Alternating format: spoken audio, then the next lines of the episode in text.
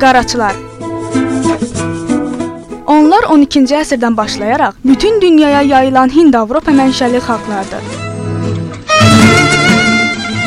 Qaraçı deyəndə ilk olaraq ağla dilənçilik, falçılıq edən insanlar gəlir. Hətta bəzən onların falları düzgün də çıxır. Onların dilənçiliklə məşğul olması adətlərindən irəli gəlir. Deyilənlərə görə Hətta onlar özləri də söyləyirlər ki, bizim milyonlarımız olsa da belə, biz yenə də dilənəcəyik. Bu bizə babalarımızdan adət kimi qalıb. Deyilənlərə görə Qaraçı ailəsində qadınlar və uşaqlar işləyərək kişiləri saxlamalıdırlar. Kişilər isə evdə oturmalıdır. Onlar haqqında bir maraqlı fakt da odur ki, qaraçılar yalnız öz tayfalarından olan insanla ailə həyatı qurmalıdırlar. Qaraçı qızı yalnız öz tayfasından olan oğlana ərə getməlidir. Qaraçı oğlan isə yalnız istisna hallarında başqa millətə məxsus qızla evlənə bilər. Onlar ailə məsələlərində qan qohumluğu əlamətlərini hər şeydən üstün tuturlar. Qaraçı ailələri adətən çox uşaqlı olur. Bu da onların adətlərinə uyğundur. Qaraçı qızları uzun don, qolu uzun kofta geyinməlidir. Onların ayaqlarının, ağsaqqallarının yanında açıq qalması ədəbsizlik sayılır. Qaraçıların öz mədəniyyətləri də mövcuddur. Onların musiqiləri, rəqsləri dünyada tanınır. Məşhur flamenko rəqsinin müəllifləri də qaraçılardır.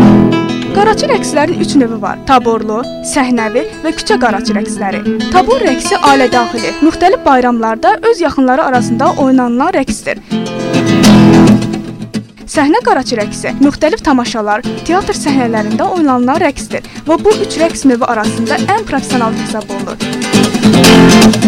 Küçə qaraçı rəqsi qeyri-professional rəqsdir. Buna hətta həvəskar rəqs də deyilir. Bunu adətən küçədə oynayırlar. Məqsəd isə insanları bu rəqsin ətrafına cəlb etmək və onlardan pul toplamaqdır. Həmçinin onlar haqqında çəkilmiş ekran əsərləri də tamaşaçılar tərəfindən sevilir. Məsələn, Azərbaycan yazıçısı Süleyman Sani Axundovun əsəri əsasında çəkilmiş Qaraçı qız filmi də bu gün sevilə-sevilə izlənilir.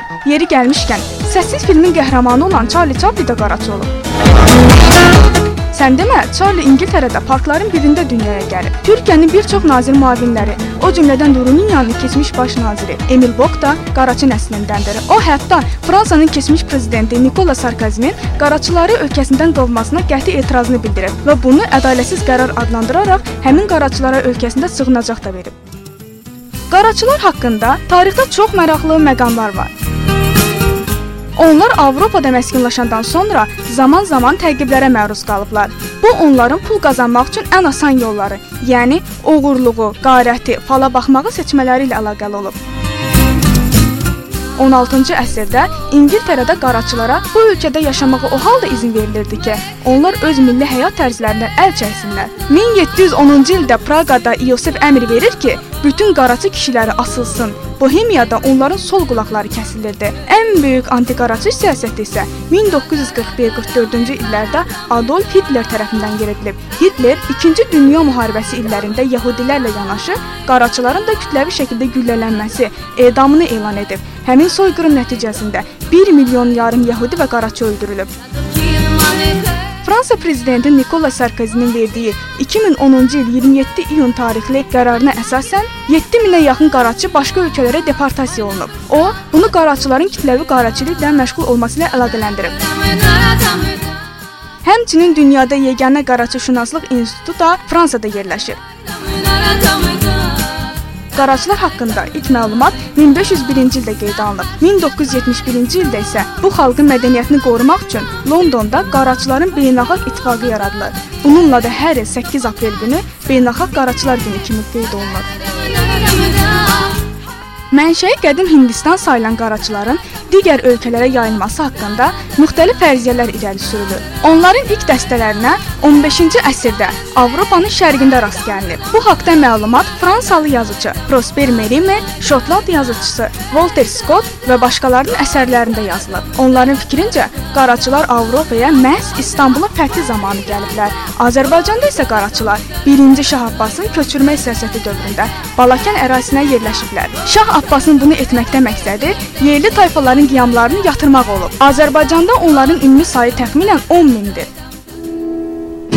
qaraçılar daha çox Yevlax və Ağdaş rayonunda yaşayırlar. Ən çox qaraçı yaşayan ərazi isə ABŞ-ın Texas ştatıdır. Orada 1 milyona yaxın qaraçı yaşayır. Həmçinin Rumıniya, Rusiya, Braziliya kimi ölkələrdə də onların sayı artmaqdadır. Sevil Rəsulzadə, Gənclərin Səsi Radiosu.